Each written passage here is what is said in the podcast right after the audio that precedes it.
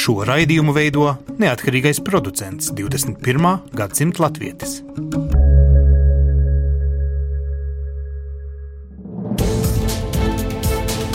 Septiņas dienas Eiropā piedāvā Eiropas radiotīkls Eironet.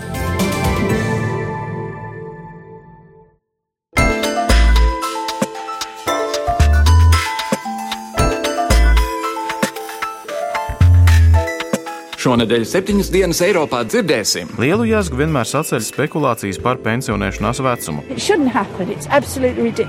Krimas teritorija ir okupēta teritorija, ko agresoru valsts Krievija ir okupējusi.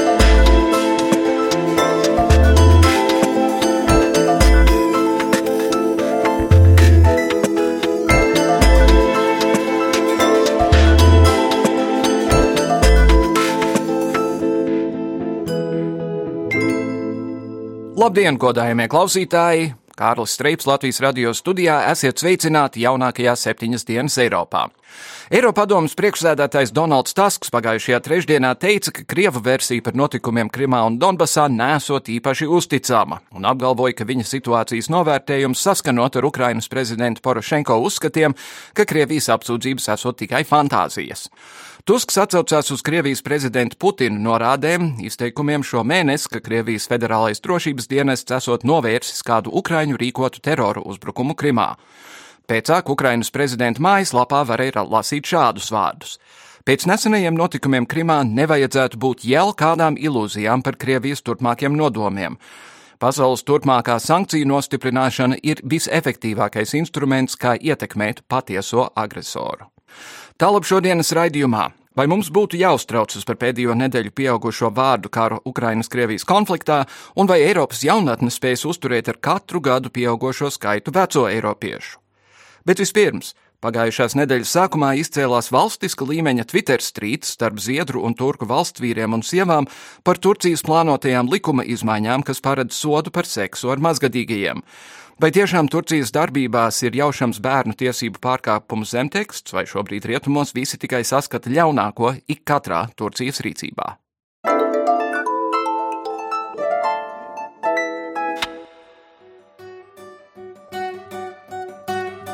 Turcijas konstitucionālā tiesa uz laiku apturējusi likumu, kas paredz kriminālu atbildību par seksuāliem kontaktiem ar bērniem, kuri ir jaunāki par 15 gadiem.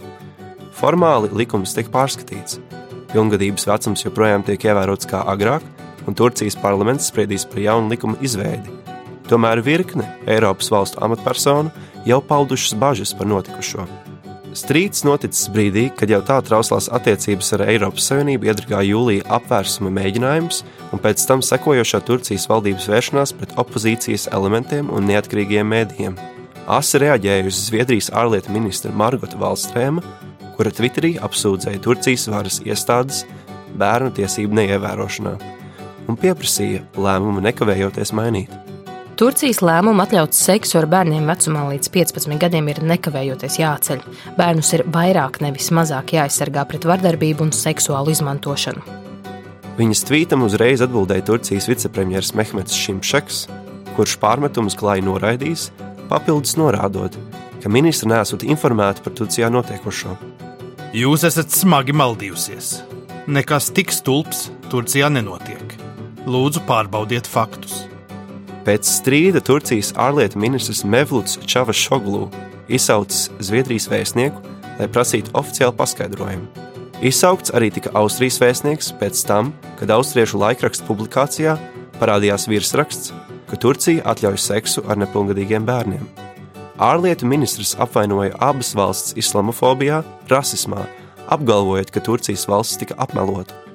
Čavs Šoglu teicis, ka ārlietu ministrs nedrīkst melot un nevajadzētu nodarboties ar Turcijas apsūdzēšanu. Var nodarboties ar kritiku, bet šī jau ir neslavas celšana, tie ir meli.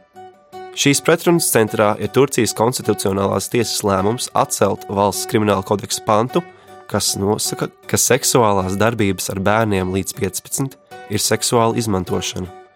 Pāns atcelts pēc zemākās tiesas instances ieguldījumiem pret likumu, uzstājot, ka nesot pietiekami daudz juridisku atšķirību starp gadījumiem, kur iesaistīti mazi bērni vai jaunieši.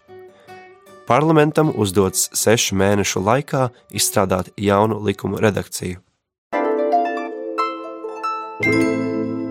Vācijas Bundesbanka tikko ierosinājusi līdz 2060. gadam palielināt pensionēšanās vecumu līdz 69 gadiem, lai valsts spētu uzturēt strauji novecojušo sabiedrību.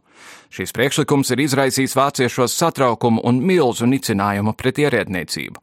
Kopš 2009. gada caurmēra vīrieša vecums Eiropas Savienības valstīs ir pieaudzis par diviem gadiem, un pētnieki un ekonomisti jau sen sastāda tabulas, kas apliecina, ka Eiropas labklājības modelis vairs nespēja uzturēt nevienu valsti, un ka liela daļa politiķu solījumi par iedzīvotāju vecumdienām ir bez pamata.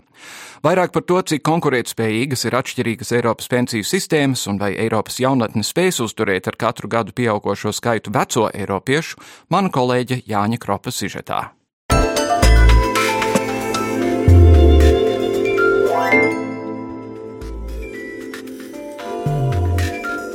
Tiem, kas sāk savas darba gaitas šobrīd un pirmo reizi nonāk darba tirgū, noteikti neinteresē, kāda būs viņu pensija un cik gados viņi to varēs saņemt. Pensijas vecums, valsts garantētā apdrošināšana un jebkāda papildus krāšana - tas viss parasti rada sajukumu un iedzīvotāju dusmas. Ideja, ka godīgi strādājot saņemšu lielu pensiju vecumdienās, piepildās tikai nedaudziem. Pārsvarā strādājošais aizejot pensijā saskars ar nepatīkamu pārsteigumu, ka pensija nekas ievērojami liels viņam nav. Lielu jēzgu vienmēr saceļ jebkādas spekulācijas par pensionēšanās vecumu. Piemēram, Vācijā kārstas diskusijas izraisīja centrālās bankas analītiķu paziņojums, ka tiem jauniešiem, kuri šobrīd nonāk darba tirgū, jābūt gataviem pensijā aiziet tikai 69 gados. Demogrāfiskā situācija un ekonomiskā attīstība nav tāda, lai garantētu pensijas agrāk. Turklāt pieaug arī cilvēku dzīves ilgums, kas liek valstīm ilgāk maksāt par sociālajiem pakalpojumiem. Tāpēc pēdējās cerības, ka pensijas var atļauties maksāt ekonomiski attīstītas valstis, ir sagrāvusi tieši Vācija. Ierasti spēcīgākā un viena no labāk organizētajām ekonomikām ne tikai Eiropā, bet arī pasaulē, ir atzinusi arī savu bezspēcību. Vācijas Bundesbankas paziņojums jau atsevišķi politiķi nosaukuši par muļķībām, piemēram, Vācijas vicekanclers Zigmārs Gabriels ieteicis Bundesbankai nelīst, kur nevajag. Wenn ich Banker bei der Bundesbank wäre, dann kann ich auf solche Ideen kommen. Ja es būtu banķieris Bundesbankā, tad es arī nāktu klajā ar šādām idejām. Šie cilvēki, kas brīdina par pensionēšanās vecumu palielināšanu, visi saņem labas algas, strādā maz satraucošu darbu, un viņiem ir ļoti labas vecumdienu garantijas. Strādnieki, tirgotāji, arī medicīnas darbinieki un es uzskatām, ka šīs idejas ir dumjas. Altenpflegerin hält das für eine bekloppte Idee, ich auch. Politiķiem piestāv strīdēties un ieturēt stingras līnijas. Daži Zigmāra Gabriela izteikumus jau ir nosaukuši par populismu, tomēr pensiju princips pats par sevi ir vai nu novecojis, vai nu jau no sākta gala iecerēts kā nepietiekami nodrošināta sistēma. Kamēr cilvēki strādā, viņu iemaksas tiek izmantotas citu pensionāru uzturēšanai. Taču problēmas rodas, kad pensionāri kļūst vairāk un iemaksas nesadz pakalpojumu cenas. Lielisku skaidrojumu pensiju sistēmas neelastībai parāda Nobelprēmijas laureāts ekonomikā ASV ekonomists Pīters Daimons. So you've got a flow in of your revenues, you've got a flow out of your benefits. Kad jums ir ieņēmumi, kas ieplūst sistēmā, tad jums ir arī sociālie pakalpojumi, kas izriet no šīs sistēmas. Situācija gan sarežģīja brīdis, kad demogrāfiskā un ekonomiskā situācija liek jums apzināties, ieņēmumu un sociālo pakalpojumu attiecība nesakrīt. Respektīvi, sistēma nav ilgstoša. To padara par ilgstošu ar likumu, jo, ja pietrūkst ieņēmumu, valsts samazina vecumdienu bonusus. Tātad mēs nekad nepiedzīvosim brīdi, kad nepietiks naudas. Toties mēs piedzīvojam brīdi, kad samazinās pakalpojumi. Bet tas ir briesmīgs risinājums. Kad politiķi cenšas šo problēmu risināt, tad viņi alaži atduras pret naudas trūkumu. Lai nesamazinātu pakalpojumus, jādabū vairāk naudas sistēmā. To var izdarīt paceļot nodokļus, bet tas nav populāri. Var samazināt pakalpojumus, bet arī tas nav īpaši populāri.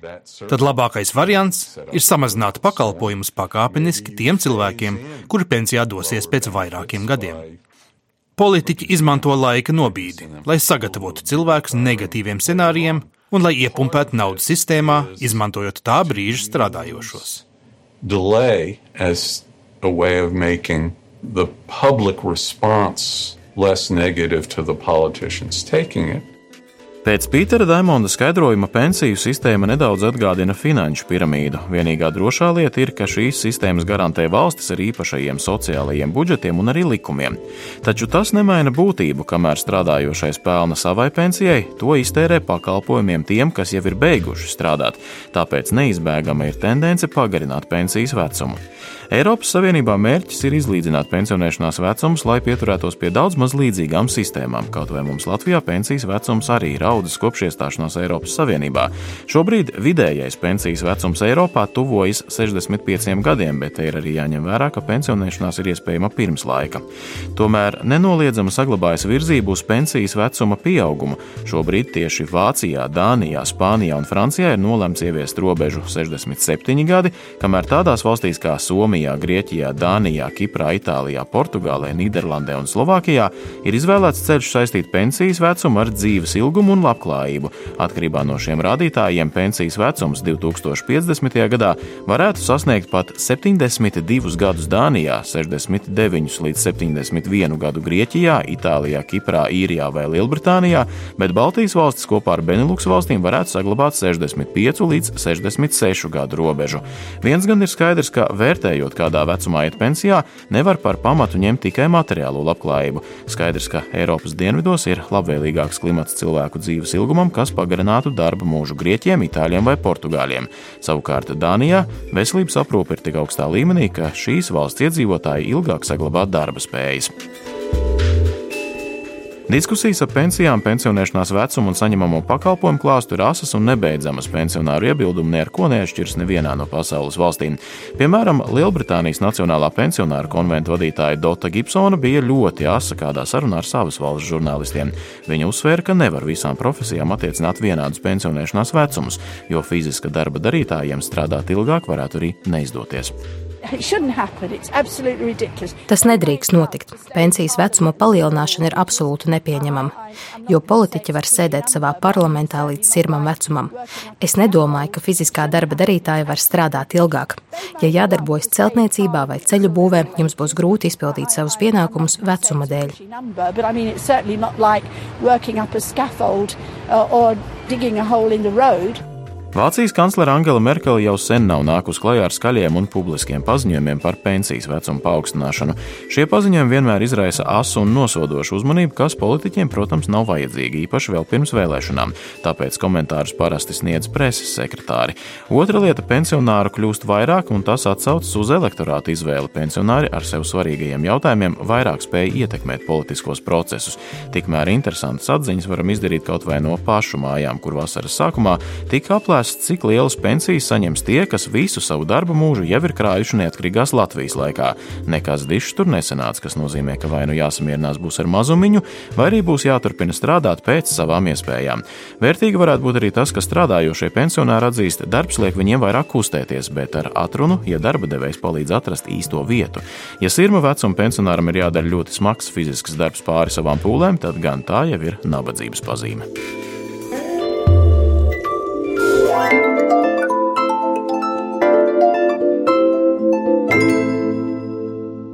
Vladimirs Putins nesen apvainoja Ukraiņu teroristisku uzbrukumu plānošanā Krimā, uz ko Porošenko atbildēja šādus izteikumus nodēvējot par krievu murgiem un fantāzijām.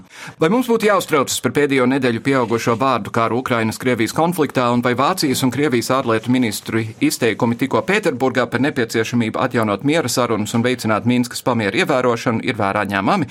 Par to šodien studijā spriedīsim ar Austrum Eiropas politikas pētniecības centra izpildirektoru Andi Kudoru. Labdien! Labdien! Un Latvijas radio ārzemju ziņu korespondentu Uģi Lībieti. Sveicināti! Labdien! Nu, mums ir pierasts domāt, ka Krievija un Putins vienmēr un tikai un ekskluzīvi melo, bet no otras puses arī Ukraiņi nav bijuši bez grēka šādā ziņā. Kā izskatās, Kudor kungs, pat labam, uz kuru pusi mums būtu jāskatās? Kara laikā vienmēr paralēli norisinās informācijas karš, un tāpēc ir pat tiešām apgrūtinoši vienmēr saprast, kurš tagad runā patiesību, kurš melo. Un es negribu pārmest, teiksim, Ukraiņas pusē. Gal galā viņi ir tomēr tie, kuriem ir uzbrukuši. Ukraiņi ir tie, kuriem ir atņēmuši teritoriju. Un, lai ko arī tagad Ukraiņas karavīri darītu vai nedarītu, Krīmas teritorijā. Krimas teritorija ir okupēta teritorija, ko agresoru valsts Krievija ir okupējusi. Cerams, ka uz laiku.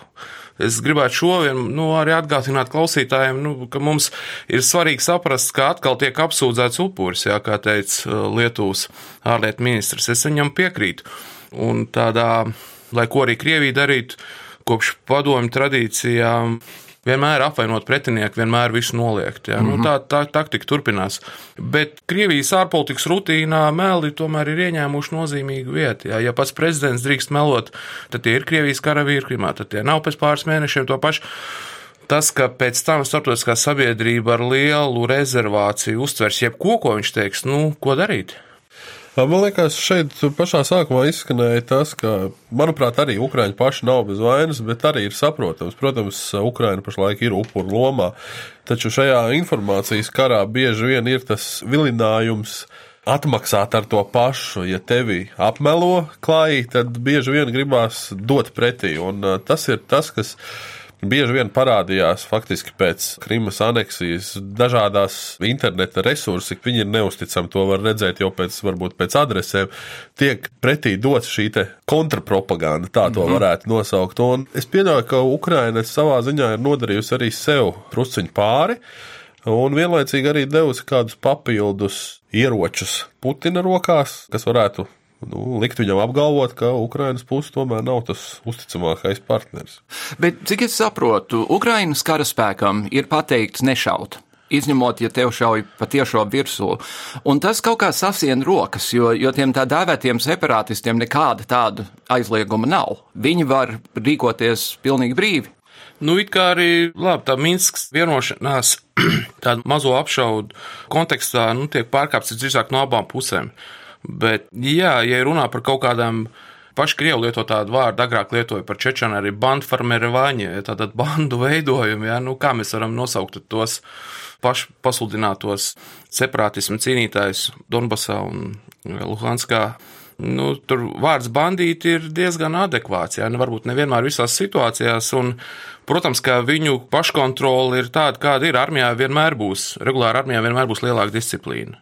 Lai kā tā valsts būtu, nu viņi principā armija nevar funkcionēt normāli, ja tur nav disciplīnas. Es domāju, tādā ziņā, protams, Ukraina ir disciplinētāka puse. Un tās provokācijas pilnībā jau nekad nav īsti apstājušās. Ja? Tas, kā ziņo arī Ukraiņas puse, un gal galā ik pa laikam ir kritušie karavīri.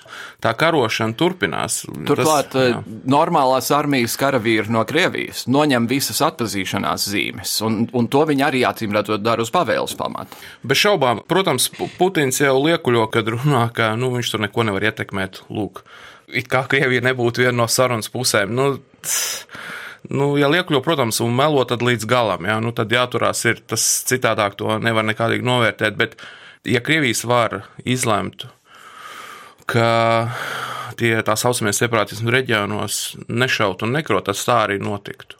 Viņiem ir sviras kontrolēt šīs teritorijas. Un, lai kā viņi teikt, ka ne, tie, tas ir patstāvīgi spēki, tie nav pastāvīgi spēki. Ja tie būtu pastāvīgi spēki, tad viņu munīcija būtu divas, trīs nedēļu laikā separātismu sākumā izbeigusies, un, ja Krievijas robeža un Ukrainas būtu slēgta, tad nezinu, vai viņi kaut kur vēl būtu dabūjuši. Tik daudz no Ukraiņas armijas viņi nespētu nozagt. Varbūt sākumā varēja nozagt, mm. bet tas, tas brīdis ir pagājis. Vai ir iemesls domāt, ka pašā Krimā notiek kaut kāda bruņota pretestība un vai kaut kāda plānošana? Manuprāt, nē.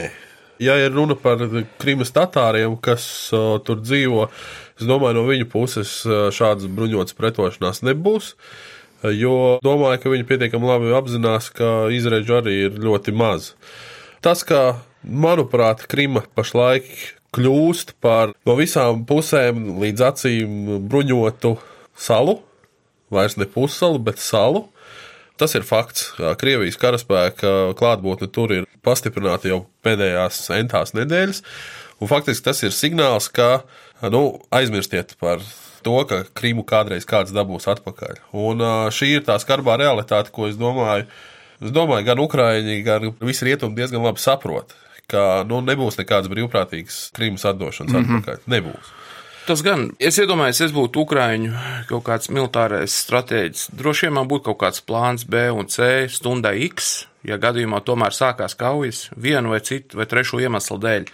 Tad droši vien tomēr būtu plāni meklēt kaut kādus sabiedrotos, kaut kādu jautājumu īstenotājs, militāro jautājumu uzdevumu īstenotājs arī pašā Krimas teritorijā. Bet es neredzu, ka tas būtu tā, jā, pašlaik vispār principiāli iespējams. Un, mm. un gan ne militārā nozīmē, ne, ne politiskā. Es neredzu, ka Ukrainas vara, piemēram, tagad lemtu atbrīvot Krimu. Pašlaik tas ir nereāli. Un arī, arī Krimas tatāru līderi ir uh, faktiski skaidri pateikuši, ka ar ieročiem viņi negatavojās pretoties. Tiks izmantotas dažādas citas metodes. Gan šīs blokādes, gan uh, pirms kāda laika bija šī visai tāda interesanta vārdu apmaiņa par to, ka notika šo elektrolīniju spridzināšana, par to, ka nu, it kā oficiālā Ukraina varētu atbalstīt kaut kādas šādas metodas, bet uh, tas arī ir tādos visai neskaidros izteikumos, jo neviens skaidri nepateiks, ka mēs atbalstīsim tādas metodas, lai panākt kaut ko. Nu jā. Bet tajā pašā laikā, teiksim, ar visu to, kas tur notiek, Ukraina nevar atļauties pilnīgi atteikties no attiecībām ar Krieviju kaut vai tāpēc, ka Krievijai Ukrainā tomēr ir, ir jūras spēku bāze, kas kļūst ar vien vairāk un vairāk par jautājumu, ņemot vērā to, ka viņiem tagad ir savstarpējs šis kašķis. Nu, Pilnīgi blokāde ne no vienas, ne no otras puses nenotiek. Tur abas puses joprojām, es domāju, Ukraina un Krievija un Krima kaut kur pa vidu ir ieinteresēts kaut kādos sakros. Grūti paši Ukraiņas uzņēmējs eh, saņēma lielu kritiku tajā pirmajā posmā par to, ka viņi turpināja tirgoties ar Krimas teritoriju. Varbūt vajadzēja uzreiz tiešām īstenot īstu blokādu, bet līdz galam neizdevās, jo, nu, Nu, Jautājums, cik, jā, cik vara to spēja nokontrolēt, otrkārt, ka pie Ukrainas ekonomiskās situācijas uzņēmējiem, nu, tur katra iespēja pelnīt bija, bija svarīga, jā, un tur, nu, no vienas puses vajadzēja, no otras puses es saprotu arī tos cilvēkus, kas varbūt turpināja tirgoties. Nu, no Krievijas puses ir, es domāju, Putins tajā video uzrunā, ja, kad blakus stāvēja Armēnijas prezidents, kad viņš teica, ka Ukraina izvēlēsies teroru, ja tas vārds terorisms, protams, ir svarīgs, lai rietumos būtu dzirdīgs auss uz to tad bija redzams, ka no vienas puses, jā, viņam šis ir jāpaziņo, bet tāda īsta eskalācija, lai pārvērstos par lielu konfliktu, tagad īstu karu jā, ar, ar divu valstu armijām. Es nedomāju, ka Krievija pašlaik to arī īsti vēlās. Jā, jo Tā pašā laikā Ukraina varbūt grib īstu risinājumu, lai varētu turpināt savus integrācijas soļus rietumu virzienā spērt. Mm -hmm. Krievijai jau pietiek ar šo situāciju. Ukraina, kā teritorijā netrisinātiem jautājumiem, viņiem der ka tik tā nebūtu plaukstoša rietumos integrēta valsts, jo tad brūk dažādi mītni, par to daudz jau runās. No jā. Jā. Šis eh, paziņojums no Vācijas un Krievijas, ka ir nepieciešams runāt tālāk par Minskas līgumu, vai tur ir kaut kāda jēga, jo Minskas līgumā cits starpā bija teikts, ka līdz pagājušā gada beigām ir jāatjauno Ukrainas kontroli pār visas Ukrainas robežām, kas acīm redzot nav noticis. Vai tam Minskas līgumam vispār ir kaut kāda jēga vairāk? Nu, ja mēs paskatītos Minskas līguma punktus, tad es domāju, ka nu, tur apmēram 90% no tā, kas tur ir rakstīts, nav izpildīti ne no vienas puses, ne no otras puses. Un tas, ka rietumu valsts saka, jā, jāatgriežas pie Minskas, tas tikai, manuprāt, liecina nedaudz par tādu izmisuma soli un uh, atziņas priekšā, ka nu, šis līgums tomēr ir cietis neveiksmi. Un jo, nezinu, ko darīt tālāk. Uh, tieši tā, jo nu, faktiski, ja mēs tā runājam, ir ļoti daudz lietas rietumos, kad uh, sāk domāt post factum. Jā. Mm -hmm. Tad, kad viss ir izgāzies, tad sākam domāt, kāpēc kaut kas izgāzās un ko darīt tālāk. Viss šī arī militārās klātbūtnes palielināšana pastāv viedoklis par to, ka tiešām šī neziņa par nākotni Krievijai pašlaik ir daudz izdevīgāk nekā reāls militārs karš, jo militāras uzbrukums būtu lieli zaudējumi ar nezināmu teiksim, iznākumu. Un daudz lielāka izolācija Krievijai. Protams, bet šī neskaidrība tas tikai vairo šo Putina saka, kultivēto apgalvojumu par to, ka Ukrainai nevar uzticēties, ka Ukrainas vadība, kuru konkrēti vienmēr sauc par Kievas, Kievas vadību, nevis par prezidentu vai līdzīgi, ka tie ir neusticami cilvēki, ka viņi nespēja kontrolēt, kas notiek šajos reģionos, ko Ukraina joprojām. Hunta pie tam vēl. Ko, ko, ko Ukraina joprojām uzskata par savu teritoriju, kaut gan tā nesot viņa teritoriju. Šī visa neskaidrība un šie visi jautājumi ir spēlē tikai Krievijai par labu. Un, diemžēl, Ukrainai nav īsti ko likt pretī. Ko mēs varējām citu gaidīt, teiksim, no Eiropas līderiem? Protams, aicinājums uz mieru, bet te ir tā filozofiskāk tāda mūsu postmodernā Eiropa, kas ir pieradusi iekšēji savā starpā ļoti džentlmeniski jautājumus risināt. Tad saskaroties ar tādu barbarisku nostāju, kas nāk no Krievijas, tad es domāju, vēl ir inerts, vēl nenotiek tāda doma pārkārtošana. Es tagad negribu karu daudzināt un aicināt karu nekādā gadījumā, nē, bet principā, nu vai nu tiks saprasts, kā ar Putina spēku soļi. Un nevajag stāstīt tos stāstus par stūri iedzīto žurku, kas obligāti uzbrūk un tam līdzīgi. Nu, tas ir Putina paša mīts, ko mēs eh, rietumos arī atražojam un turpinām stāstīt. Kā tik tagad nesakaitināt agresoru valsts, nu, nu vēsture mums taču mācās, nu, tas nestrādā. Un, protams, te pašā laikā, jā, ir grūti arī atrast risinājumus, bez šaubām, bet es domāju, nevajag baidīties kaut kādas sankcijas soļus turpināt un, un domāt kaut ko pat jaunu varbūt, jā. Nu, jā. Diemžēl. Vai, vai viens iespējams solis pat teorētiski varētu būt, ka Kijava pasaka tam separātistu teritorijām, ok, čau! Mēs uzbūvēsim sētu un robežu gar jums, pievienojieties Krievijai, ejiet ar Dievu. Droši vien nebūs tā, faktiski neviena valsts nedara šos soļus, nespēr. Es domāju, šī bija Putina pat cerība zināmā mērā. Tas, ko viņš jau runāja vairākus gadus iepriekš, tur atklāti, neatklāti uzrunājot rietumu līderus, kas sadalām Ukrainu. Es domāju, tur ir kaut kāds pamats tai domā. Un uh, no otras puses, Krievija arī ir vēlējusies, lai Ukraina, es domāju, oficiālā Ukraina iesaist Luhansku un Doņetsku tāds veidojums, kā tie ir tagad. Runājot par federālismu, kas, protams, dod sviras Kremlim, kontrolējot, ja valsts ir federāla. Turpin vēlēt, ko ja viņi, viņi var bloķēt un... federālās mm. valdību, teiksim, varas lēmumus un līdz ar to atkal neintegrēties ar rietumiem. Visi šie dažādie pelēkās zonas, neatrisināto konfliktu, iesaldēto konfliktu risinājumi ir par labu Putinam. Tajā nozīmē, ka viņi ir paši izlēmuši un sev iestāstījuši jautājums, vai tas tā tiešām būtu, ka ja Ukraina ir rietumnieciska, ka viņi zaudē varu Krievijā. Tas, mm -hmm. Es gribētu šeit vienkāršot, nevienmēr var vienkāršot, bet dažreiz vajag. Es domāju, ka pamat motīvs Putinam viņa racionalitātē ir tāds, ka ne pēdu zemes, tikai nevis Krievijas teritorijas, bet tās valsts, kas ir apkārt, neskaitot Baltiju, pārējās vairs nevienu nedrīkst sadot, jo tad viņi zaudē svaru, bet vara tas ir liela ienākuma. Nu, tas skan ļoti vienkārši, bet es domāju, ka šis ir gadījums, kur vajag vienkāršot. Citādi mēs uzturamies uz dažādiem pašu Putina izplatītajiem mītiem. Mm -hmm. Manuprāt, kā viens no politikas pamatprincipiem ir iegūt varu, noturēt varu. Arī Ukrainas vadība pašlaik to ļoti labi apzinās. Un ne pie kādiem apstākļiem viņi nevar atļauties pateikt, ka mēs arī Krīmu atdodam, un mēs atdosim mm -hmm. arī tagad uh, Donbas reģionu. Protams, tā nenotiks. Un, atklāti sakot, paskatoties, cik daudz viļņošanās Ukrainas sabiedrībā var izraisīt vienas sievietes, proti, Naģis Savčenko aicinājums sākt tiešā tekstā runāt par ķilnieku atbrīvošanu, tad nu, mēs varam iedomāties, kāda būtu reakcija Porošenko pateikt, nē, mēs atdodam. Šajās dienās mēs atzīmējam 25 gadus, kopš bija pučs Maskavā un sabruka pasaules lielākais totalitārais režīms. Un tajā laikā visi bija dikti optimistiski, ka tagad sāksies jauna pasaule un mēs visi dzīvosim draudzīgi. Protams, momentā sākās Dienvidslāvija, bet, tā, bet kas sagaida Delī? Vai tas ir tikai tas, ka Krievijā pie varas nāca Putins vai ir kaut kas dziļāks? Redz, kas bija interesanti, ka CIP savulaik neprognozēja, ka PSRS sabruks pat īsi pirms PSRS sabrukuma vēl. Jā. Daudziem tas tomēr nāca kā pārsteigums, un tajos pirmajos gados pēc sabrukuma PSRS tika runāts, nu, lūk, cik vāja tā prognozēšanas spēja, jā, rietumu spēcdienestiem, bet ja mēs paskatāmies par tādu politiskās domas attīstību Krievijā un, un kultūras īpatnībām, un tā skaitā politiskās kultūras īpatnībām, tad varbūt viņi nemaz tā nekļūdījās. Ja? Cik ātri notika šis vilnis atpakaļ uz, uz PSRS, sākot ar visiem simboliem. Nu, Putins jau toreiz piesardzīgi teica par himnas atjaunošanu, ja? to mūziku. Viņš teica, varbūt mēs kļūdāmies.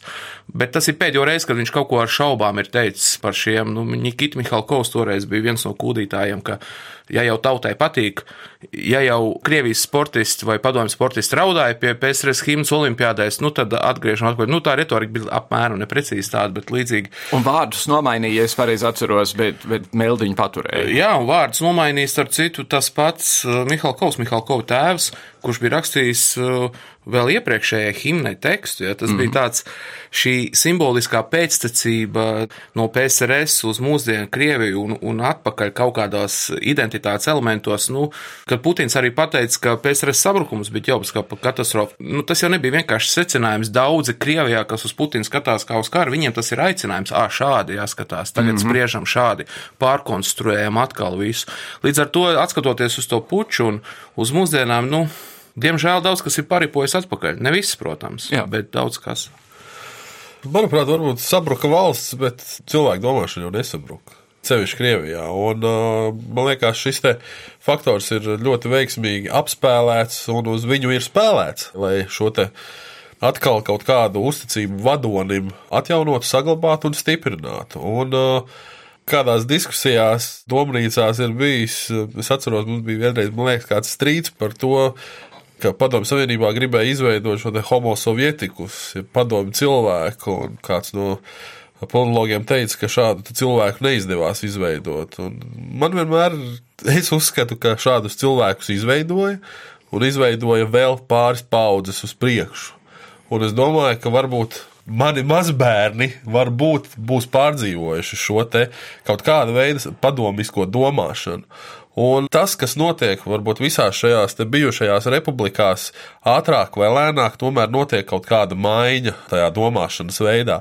Krievijā tas varbūt tiek kultivēts atkal domāšana pa vecam, un daudziem tas patīk, un daudziem liekas, ka tā ir ērti. Nu, Putins izvēlējās tādu, diemžēl, vieglāko ceļu, un varbūt pat jautājums par vieglāko ilgtspējīgā ziņā noteikti vienu no sliktākajiem ar šo atgriešanos pie, ne pilnībā pie PSRS, protams, nē. Viņa draugiem ir jāpelna miljardi, jā, PSRS tas bija apgrūtināti.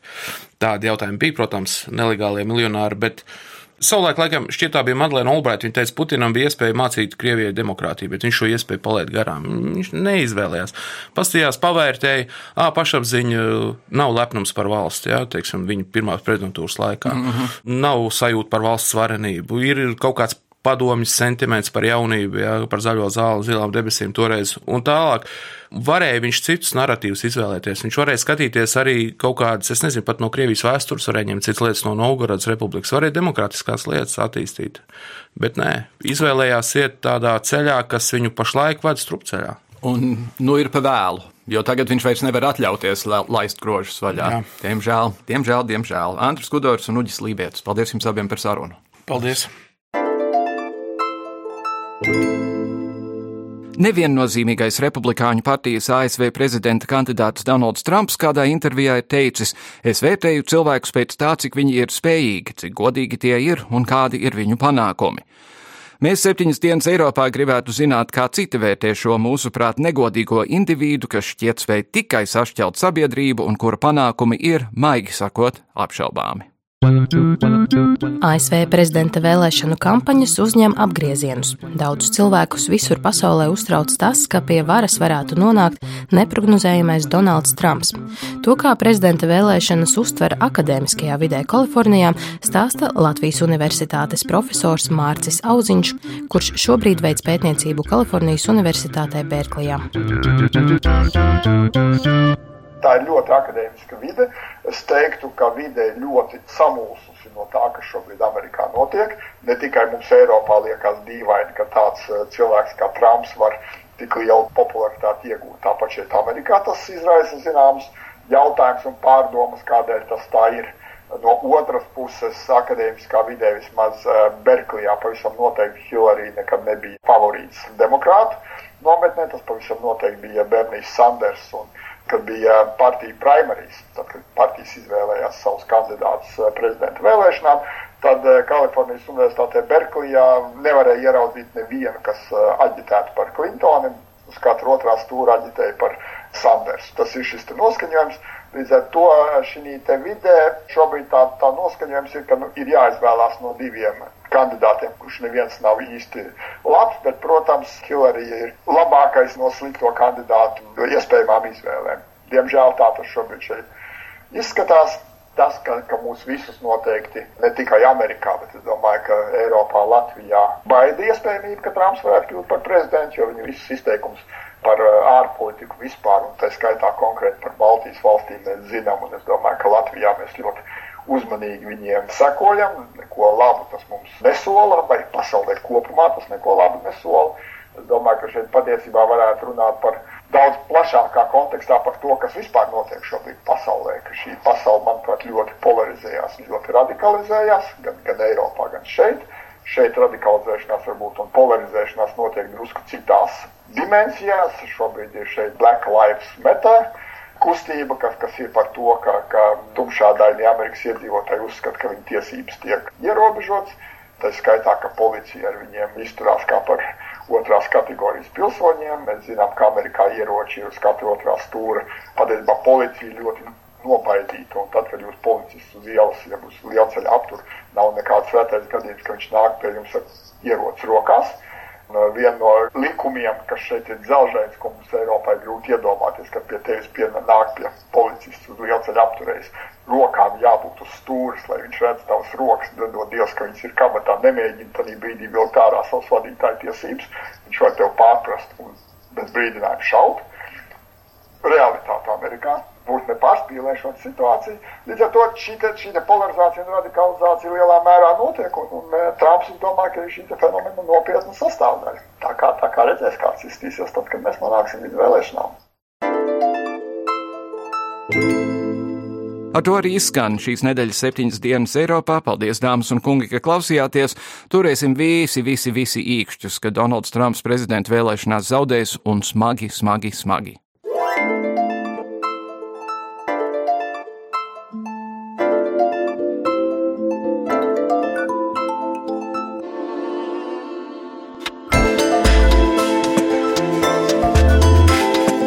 Raidījumu veido Kārlis Streips, Ieva Valēne un Jānis Krops. Raidījuma producents Lukas Rozītis.